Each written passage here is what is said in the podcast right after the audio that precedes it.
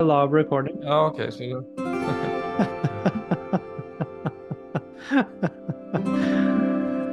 La oss ikke gjøre det der en gang til. Nei, vi har gjort det tilrekkelig mange ganger. Ja, ja. Ja, i dag kan vi bare innlede med at jeg har keps på och du, men du fikset morgenfrisyren lite her. men vi skal klippe oss oss to två dag.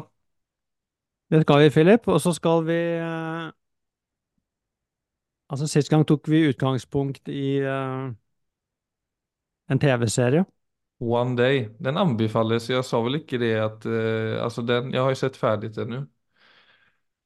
Det var, det var mye følelser gjennom Ja. de fire, 14 episodene.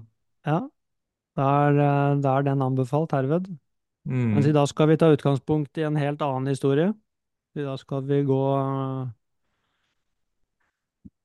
Og dette var selvfølgelig en historie jeg fant. Og jeg tenkte vi skulle gå til eh, å snakke om døden. Eh, Og bare så det er sagt med en gang, altså grunnen til det, altså grunnen til eh, at jeg vil trekke fram det temaet igjen, det er at jeg tror egentlig ikke det er mulig å altså virkelig leve før du på en eller annen måte har blitt, eh, altså blitt venn med det temaet. For at det er Altså det er der frykten frigjøres. Ja, egentlig frykten for å leve eh, fullt og helt, er altså bundet fast i frykten for døden. Ja, at Så det det er den sig i så mange ulike sammenheng uten at vi helt ser det själva. Så, bare så det er sagt. Altså, så egentlig så hensikten med dette temaet, det er egentlig å leve fullt. Altså leve uten bremsene på. Så jeg tror hvis du undersøker alt som hindrer deg, så til syvende og sist så vil det alltid være frykt. Altså roten vil alltid være frykt. Mm. Og jeg sendte deg jo denne historien i går, så det var jo interessant. Vi har jo snakket om den, vi to, og du, eh, du har jo også reagert på selve historien, så det er, kan jo hende at eh, Og det syns jeg var interessant, for det hadde jeg ikke trodd. Så la meg først fortelle historien i korte trekk. Dette er eh, altså en historie fra, altså fra Buddha, som det er nedskrevet som Og denne historien fortelles jo i hvert fall som om dette var noe som skjedde. Det spiller ikke så stor rolle, egentlig, men, eh, men altså, Buddha var jo på sånn Han var jo på vandring, egentlig, da hele Altså etter at han våknet opp, da, og fram til han døde når han var noen og åtti, så vandret han jo rundt eh, i India hele tida. Så var alltid på Bodde ikke på et fast sted. Så de kom da til en dag til en eh, Slo seg ned på utsiden av en landsby, og så kom det da en Altså en kvinne, des helt desperat, løpende, kaster seg ned foran Buddha, og så fortalte hun at hennes altså sønn, eh, et lite barn, hadde dødd. Og hun altså insisterte på at Buddha skulle bringe da sønnen tilbake til livet. Så hun eh,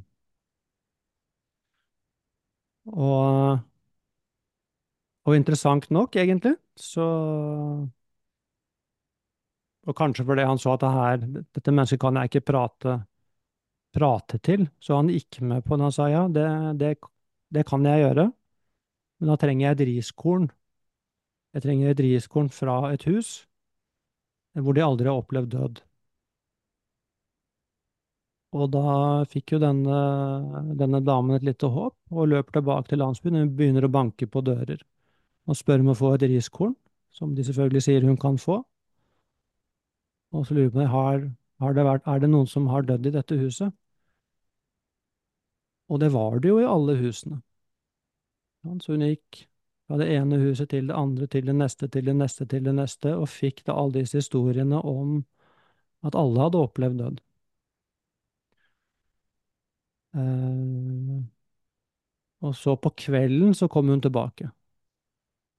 Altså da med Og da kom det jo et annet menneske, altså som hadde skjønt at uh, noe med dødens uunngåelighet. Og, og kom jo da selvfølgelig i dyp sorg, men altså allikevel med med en erkjennelse. Så det er historien. Mm. Ja, skal jeg si hva jeg reagerte på? Ja, du kan si dine umiddelbare refleksjoner rundt historien. Alltså det er jo alltid nå er jeg jo også nybliven pappa jeg har jo tre sønner som er små. Så for meg er det jo bare det er jo Jeg kommer vel aldri være i en fas i livet der det er mer triggende å snakke om barns død. Mm. Samtidig som jeg ser at det anvendes som en eh, pil for å peke på den innsikten i at vi møter döden. Mm. Men det som, den følelsen jeg fastnar i, som jeg ikke blir kvitt, er det med at ja, du, du möter alle hus og får berettelser og møter med mennesker der døden er et tema og et element i livet. Mm. Men der kan det jo samtidig være formildrende i det at man fort kanskje går dit at det er mer naturlige døder, kanskje av ålderdom. Altså man kjenner ikke til det da, så det er ikke sikkert at man, eller jeg gikk ikke in i at ok, her i disse husene har barn dødd. Mm. Men just av den grunden at hun har sitt barn som har dødd, som er de, som er for känslorna de motsatte til en naturlig død. De, Ja. De strider på en måte imot alt vi kjenner, at et litet barn skal dø. Og derfor blir på en måte innsikten ikke stark nok i at jeg, jeg helt blir med på det at hun finner et perspektivskifte. Men det skal også sies at den første berettelsen du sendte til meg, var jo eh, ikke helt det du berettet nu i denne. Der var det liksom enda flere element som pekade mot den opplevelsen jeg forklarer nå. Mm.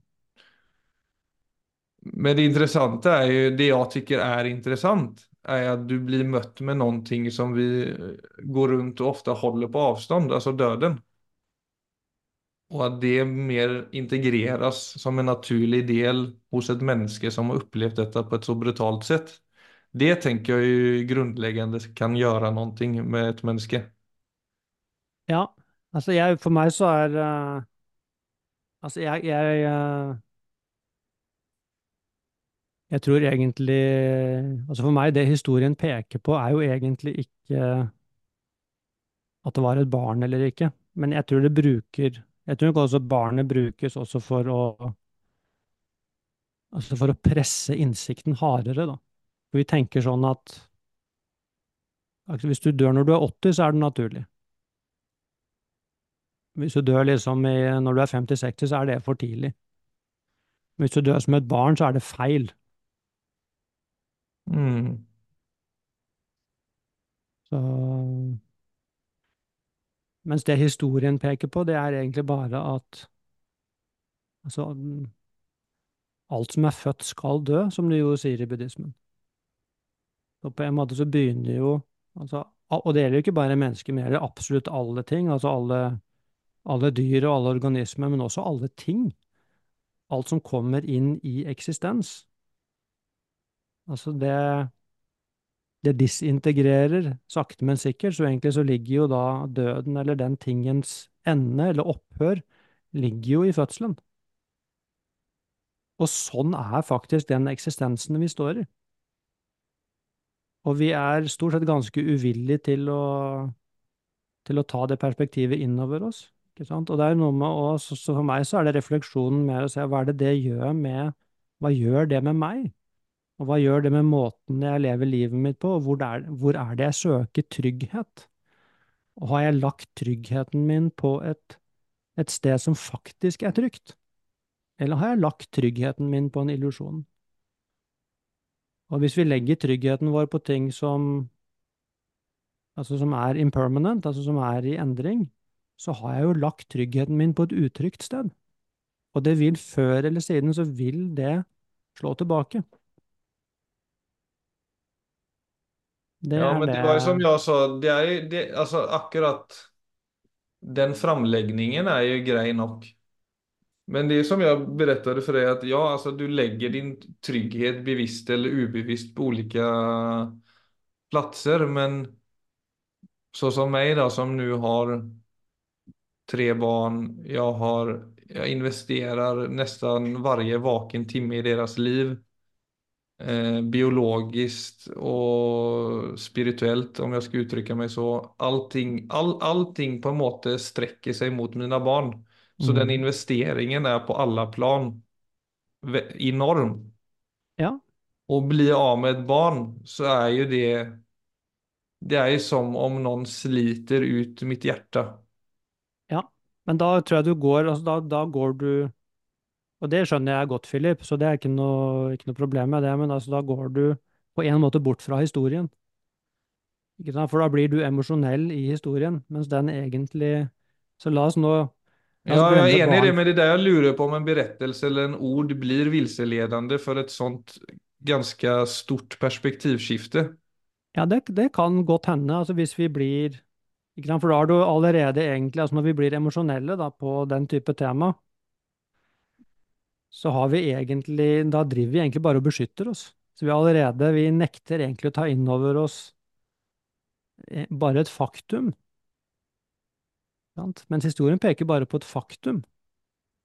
Den peker ikke egentlig mot altså en personlig tragedie, den peker mot et faktum som Og det å forholde seg til det faktum, det vil, det vil gjøre noe med deg. Ikke sant? Så hvis du et øyeblikk går bort fra et barn, så kan du bare forholde deg til deg selv. For det er kanskje det Det er jo det vi investerer absolutt alltid.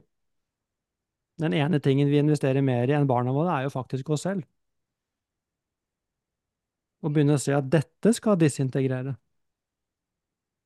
Dette skal også bli borte. Da er det nært nok. Det kanskje du får fordype deg litt mer i, for det er nog mange som føler at de ikke investerer i seg selv. Jeg skjønner nog hva du mener, men jeg tror det er fint å si noen ord om det, for jeg tror mange tenker at de gjør alt for alle andre og ingenting for seg selv. Jo da, men altså hvis du Jeg tror det er nok egentlig å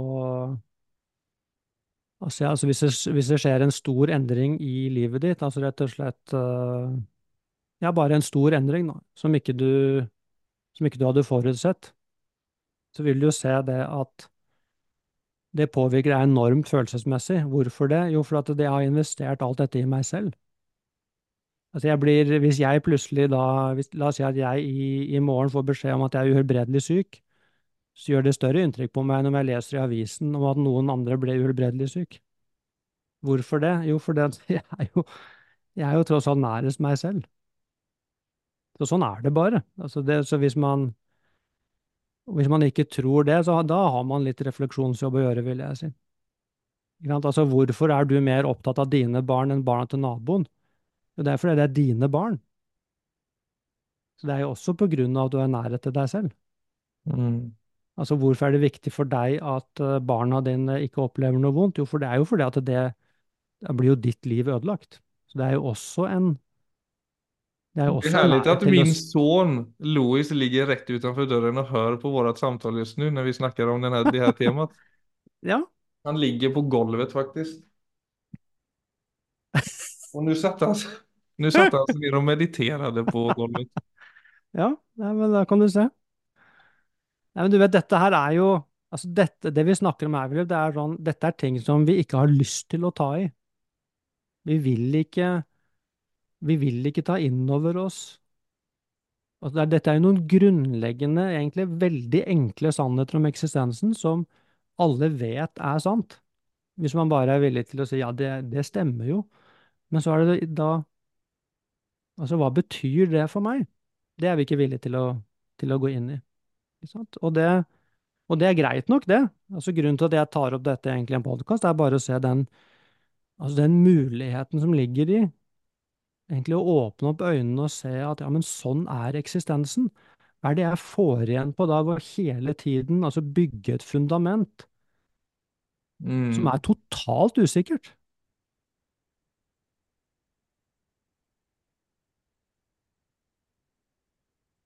Ja, nej men jag är väldigt med på att hålla, alltså på den tematiken du tar dig in i. Men det är bara intressant vad som sker när du, för det var också en sån känsla jag fick när jag läste det första gangen bare sånn men kom igjen, så enkelt er det ikke. Det var liksom en følelse som dukket opp også, at det nesten blir sånn Skjerp deg, liksom. Her snakker vi om alvorlige ting og så har du gått rundt hos, i noen hus og snakket med folk om døden, og så har du liksom transcendert og funnet en ny riktning i livet. Altså sånn Ja, nei, så enkelt er det no ikke. way. Nei, så enkelt er det ikke. Men, eh, men du vet, dette, dette handler ikke om enkelt, dette handler tvert imot om det vanskeligste av alt. Altså, og det er å leve livet sitt på, altså på et sant grunnlag. Så nei, det er ikke lett. Det, det er jo derfor ingen gjør det. Det er fordi det er veldig vanskelig for oss. Det er vanskelig for oss å egentlig altså godta at livet er som det er. Nemlig det at vi har altså mer eller mindre ingen kontroll over altså mesteparten av ja, altså hvordan, hvordan livene våre utfolder seg. Vi har ikke kontroll på det, og det er klart det liker vi veldig dårlig. Men vi får ikke, altså vi får ikke kontroll ved å flytte inn i en drømmeverden. Så egentlig så kan du Så det eneste stedet hvor du finner uh, altså en virkelig trygghet, da, og, og en virkelig altså, og sinnsro, Mm. Det er jo ved å begynne å spille på lag med hvordan ting er. Altså ved å forholde deg til hvordan ting faktisk er. Det er, det er ikke noen annen vei inn til uh, Altså på én måte til det vi også dypest sett søker, ikke sant? For det gjør vi. Vi mennesker, vi, vi søker jo altså noe som er sant, noe som er ekte, noe som er båndtrygt. Det er derfor vi gjør alle de tingene vi gjør. Vi er jo på søken hele tiden. Ja, så vi skal For det er det som man ikke, så, så, så at man kan liksom ta til seg budskapet. For du, du snakker om at vi legger vår trygghet utenfor oss selv. Og vi skal på en måte ikke slutte å leve, vi skal jo engasjere oss og interessere oss og leve fullt ut i Mm. det livet vi har. Ja. Men vi skal ikke legge vår autoritet utenfor oss selv. Men spørsmålet er på en måte hvor engasjerer du deg fullt ut samtidig som du bibeholder din egen autoritet? da? Ja, det er et godt spørsmål, syns jeg. For det er jo noe med den Altså hvis vi tar inn over oss bare dette med altså endring, da, eller impermanence, som de kaller det i, i buddhismen, som er en av de virkelig viktige stikkordene. Ikke sant? Sånn at det egentlig Altså ja, så bare ta, La oss bare ta alle relasjonene dine, da. Altså, jeg snakker jo om det med Vivian ofte. Altså sånn Altså, en av oss skal gå først. Ja, Ni snakker ofte om det Ja. En av oss skal gå først. som en praksis. Det er ikke som en praksis, bare men mer som- som uh, Påminner. Men ja, en, på, en påminner. Altså, det er jo sant. En av oss skal gå først. Og hvordan forvalter vi det nå? Ikke sant? For det er klart, i det øyeblikket man tar inn over seg at nei, men herregud, det er jo jævlig Altså, det å elske er jo utrolig utrygt. For tenk om! Så det blir jo det første valget. Skal jeg liksom Skal jeg da Skal jeg ikke elske? Altså, skal jeg ikke forbinde meg? Det kan jo være den ene tingen, så vil man forhåpentligvis se fort at nei, det For da får jeg jo i hvert fall ikke levd. Da, da Mm. prøver jeg jo egentlig bare å sette livet mitt på pause. For det er så utrygt at alt beveger seg hele tiden. Så det andre blir jo da kan jeg elske fullt og helt, vel vitende en- om at det ikke er for evig? Da vil jeg si at du elsker med åpne øyne. Og jeg tror det som og jeg tror, eh, og igjen da hele egentlig poenget med å ta inn en type temaer, det er at det er ikke tid til å holde tilbake. Det er ikke noe tid å miste her. Som, tror vi har snakket om dette før, men det er jo veldig vanlig at når mennesker er på dødsleie, så slipper de taket. Ikke sant? Og viser en kjærlighet som de rundt aldri har sett før.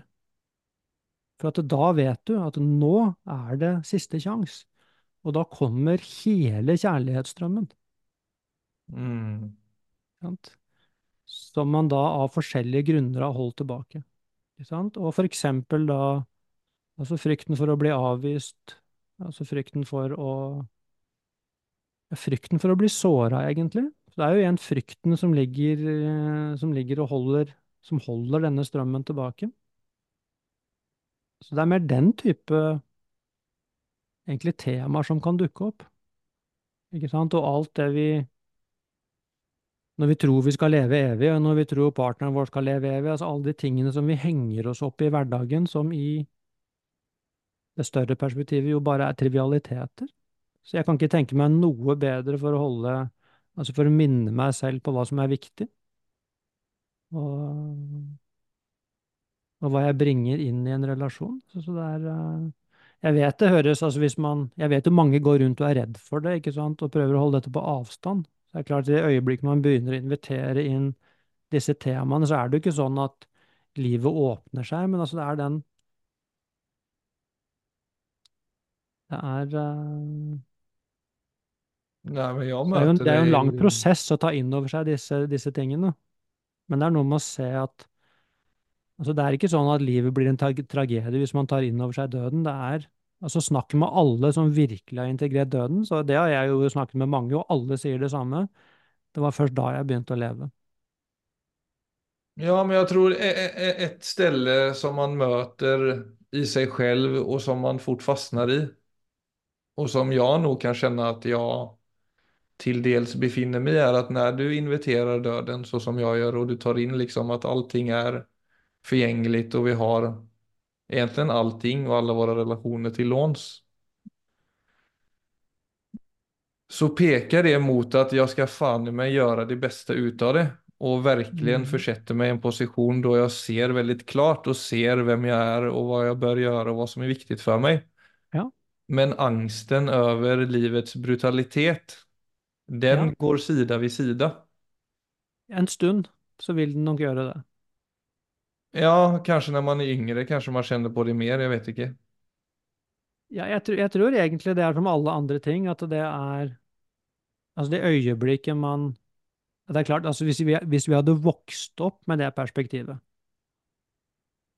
at på en måte historier, da, altså historier om impermanence, at det var en del av kulturen, så ville jo ikke det blitt angstfylt. Altså med, da ville da ville vi lært å integrere det. Ja, sånn er eksistensen, ikke sant? Altså er det er noe med å bare For et barn å bli tatt i hånden og gått ut i skogen og se på årstidene, så er det, det er, Sånn er naturen. Altså, det er sykluser. Alt går i syklus. Så, så du, du finner det perspektivet uansett hvor du fokuserer, og det er jo noe veldig vakkert med det.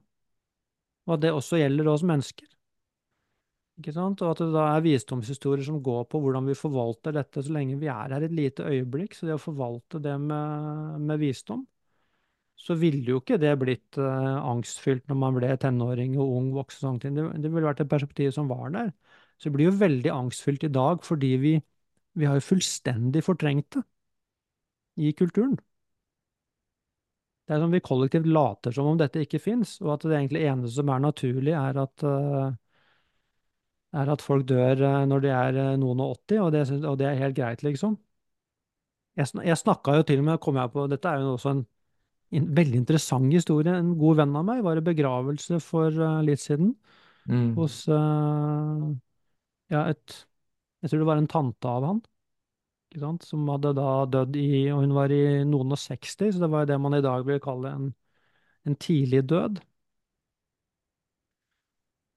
Eh, og så snakket altså presten snakket da i begravelsesdalen egentlig kun om at dette var feil. Altså han som skal holde perspektiv, til og med han klarte ikke det. Han som skal prøve å bringe inn et tydelighetsperspektiv, han var bare opphengt i at dette var altfor tidlig. Altså det er jo drøyt i kulturen vår, syns jeg. Så min venn var jo helt rysta. Men det er fordi han har begynt å lese stoisk filosofi og, og forskjellige bøker fra visdomstradisjoner hvor så, så han satt virkelig sånn og han, han var rysta over at presten ikke klarte å si noe mer om dette enn bare den, altså den reaksjonen som vi har i kulturen.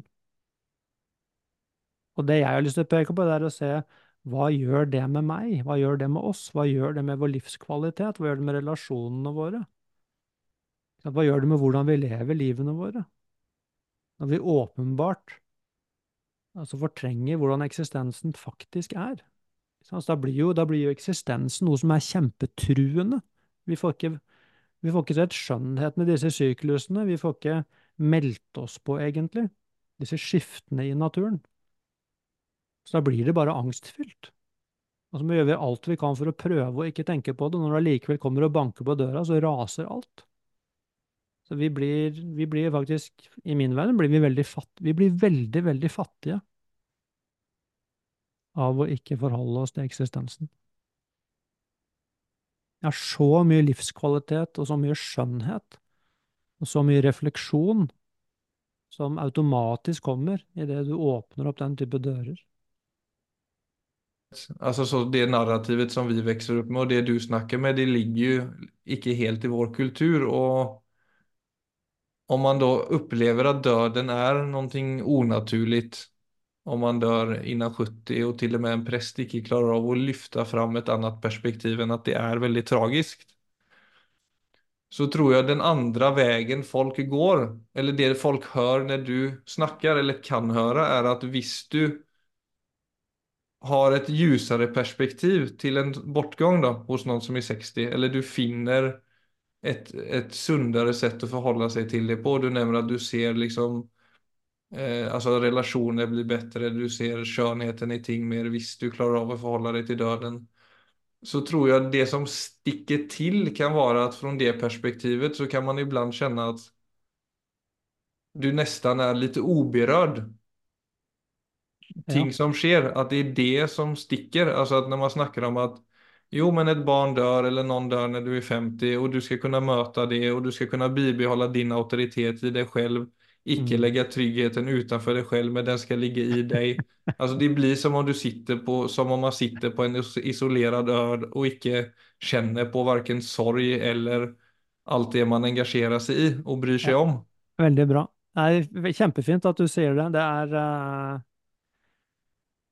Altså igjen så blir du nesten en sånn Når du legger det fram på den måten der, så blir det nesten som en sånn uh, handelsavtale. At hvis jeg begynner å akseptere døden, så skal jeg få et liv hvor ikke jeg blir berørt av ja, sånn og sånn. Eh, Og da kommer skjønnheten og lyset. Det er jo ikke Det er selvfølgelig ikke sånn. Nei, det er därför det er men det väldigt som så tricky. Jo, men vent litt, Philip. Det, vi, altså det som er utrolig viktig, altså i det øyeblikket man Altså på en måte så handler det jo kun om å åpne øynene og se altså hva er eksistensen? Altså hvilke lover er det vi er underlagt? Og da vil du si at loven om endring er en av de lovene det er veldig lett å få øye på. Det er veldig lett å få øye på at alt som er født, det skal dø. Altså sånn er det bare. Det er akkurat som det er en av de grunnleggende lovene om livet. Eh, Og så er det egentlig å la konsekvensen av det få lov til å bare synke inn i deg. For, det, for det, det er ikke noe egentlig Og det tar jo ikke bort sorg. Ikke sant? Altså selv om ja, Hvis jeg tar Vivian og meg, da. Altså hvis, uh, selv om vi snakker ofte om, om døden, og vi minner også hverandre på at en av oss skal faktisk gå først, så tar jo ikke det bort sorgen. Altså hvis uh, Altså jeg vet at hvis jeg dør, så, så kommer uh, Ja, Altså, så kommer jo Vivian til å bli ødelagt av sorg, og hvis hun dør før meg, så kommer jeg til å bli ødelagt av sorg. Så det er ikke det at det beskytter deg mot sorgen, men det er mye mer det at du eh, Jeg er egentlig mye mer Men selvfølgelig så går du heller ikke til krig mot livet. Altså, så det, annen- det blir også borte, selvfølgelig. Det at man er et offer, blir borte. Altså, for det er sånn. Altså, uansett hvor vanskelig det er for meg å håndtere, og uansett hvor, altså, hvor ødelagt jeg er av det jeg har mistet, så er det livets lov. Det har ikke, blitt begått meg en urett. Det har det ikke. Så det blir borte. Men jeg vil heller si også at det som Altså der hvor eventuelt skjønnheten kan komme inn, altså for det, det er- skjer jo i refleksjonen. Altså man inviterer da egentlig en dypere refleksjon og ser hva er det egentlig vi står Hva er det vi står i? Hvordan forvalter jeg det jeg står i? Egentlig, så det er det som, og det tror jeg vil det vil nødvendigvis måtte komme fram når man begynner å reflektere over ting, og jeg tror det vil også bli mye lettere å se når du begynner å nærme deg tingene på den måten, altså hva er det jeg bruker tiden min på? Så jeg tror det er veldig mye av det vi gjør for å numme oss selv, altså mot eh, egentlig det vi syns er eksistensen brutalitet. Så det blir, det blir et annet liv, det gjør det faktisk. Og det vil bli et dypere liv. Og, og i min verden så er vi bare sånn. altså Når du begynner å forholde deg til altså disse skiftene i naturen, så ser du dypere ting. Så du Mm. får øye på da visse altså sammenhenger og også skjønnheter som er lukket for deg når du hele tiden er på flukt. Altså, fra, altså flukten egentlig fra hvordan ting faktisk er. Så det er ikke noe ved dette som er noe lett. Det er ikke noe her som er sånn å ja, nei, men da skal jeg bare gjøre sånn, så får jeg sånn. Nei, dette er, dette er på en måte tøffe prosesser, men, men for meg er den virkelige dybden og skjønnheten i et menneskeliv, det er egentlig den som åpner seg når jeg er villig til å begynne å se hva det er for noe.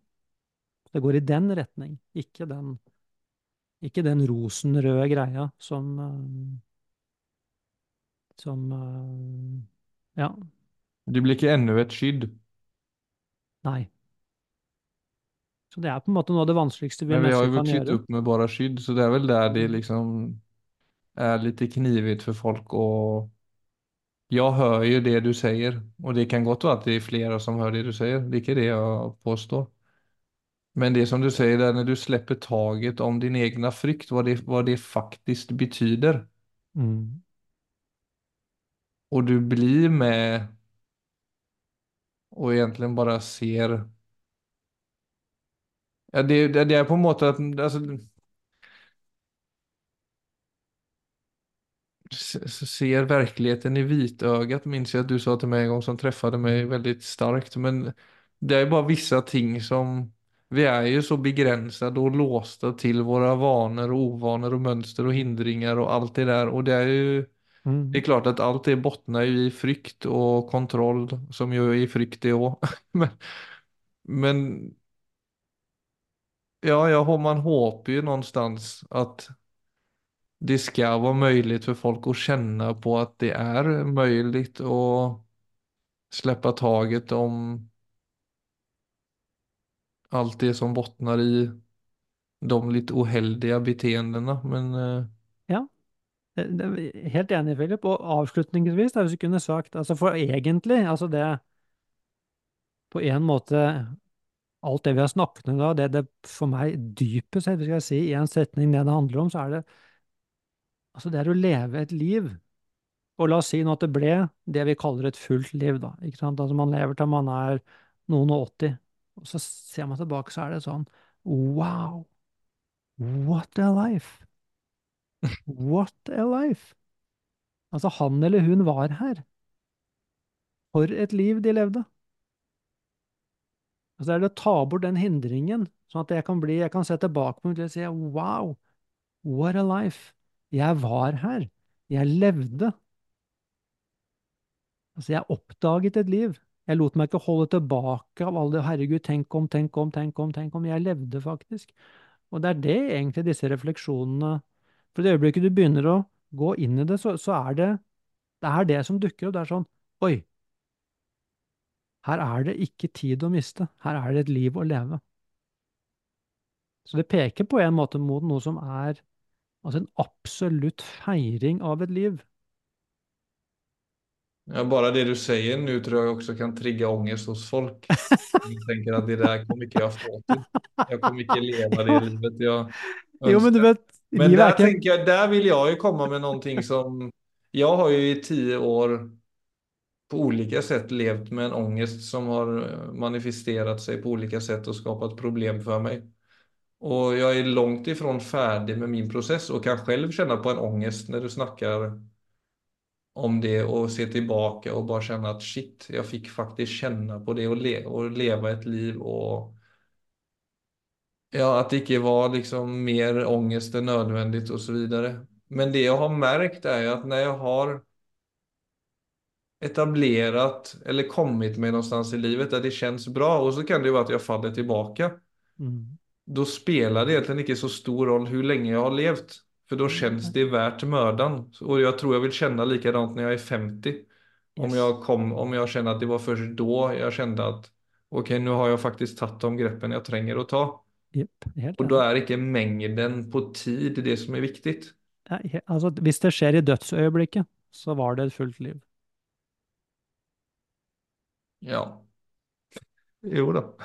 Men det er i alle fall det er viktig å ta med seg inn i dette, så at man ikke bare nå kjenner på livets prestasjonsangst og bare Ja, nei, det er kjempeviktig. Dette er ikke en prestasjon. Og samtidig, som jeg sier, Philip, altså helt avslutningsvis, at du vet, nå har jeg kjent deg alle disse årene, og selv om du har gått og, og strevd med litt angst og sånne ting, du vet, så husk det, dette betyr jo ikke heller at angst og frykt og uro og sånne ting blir borte, men det trenger ikke være en hindring.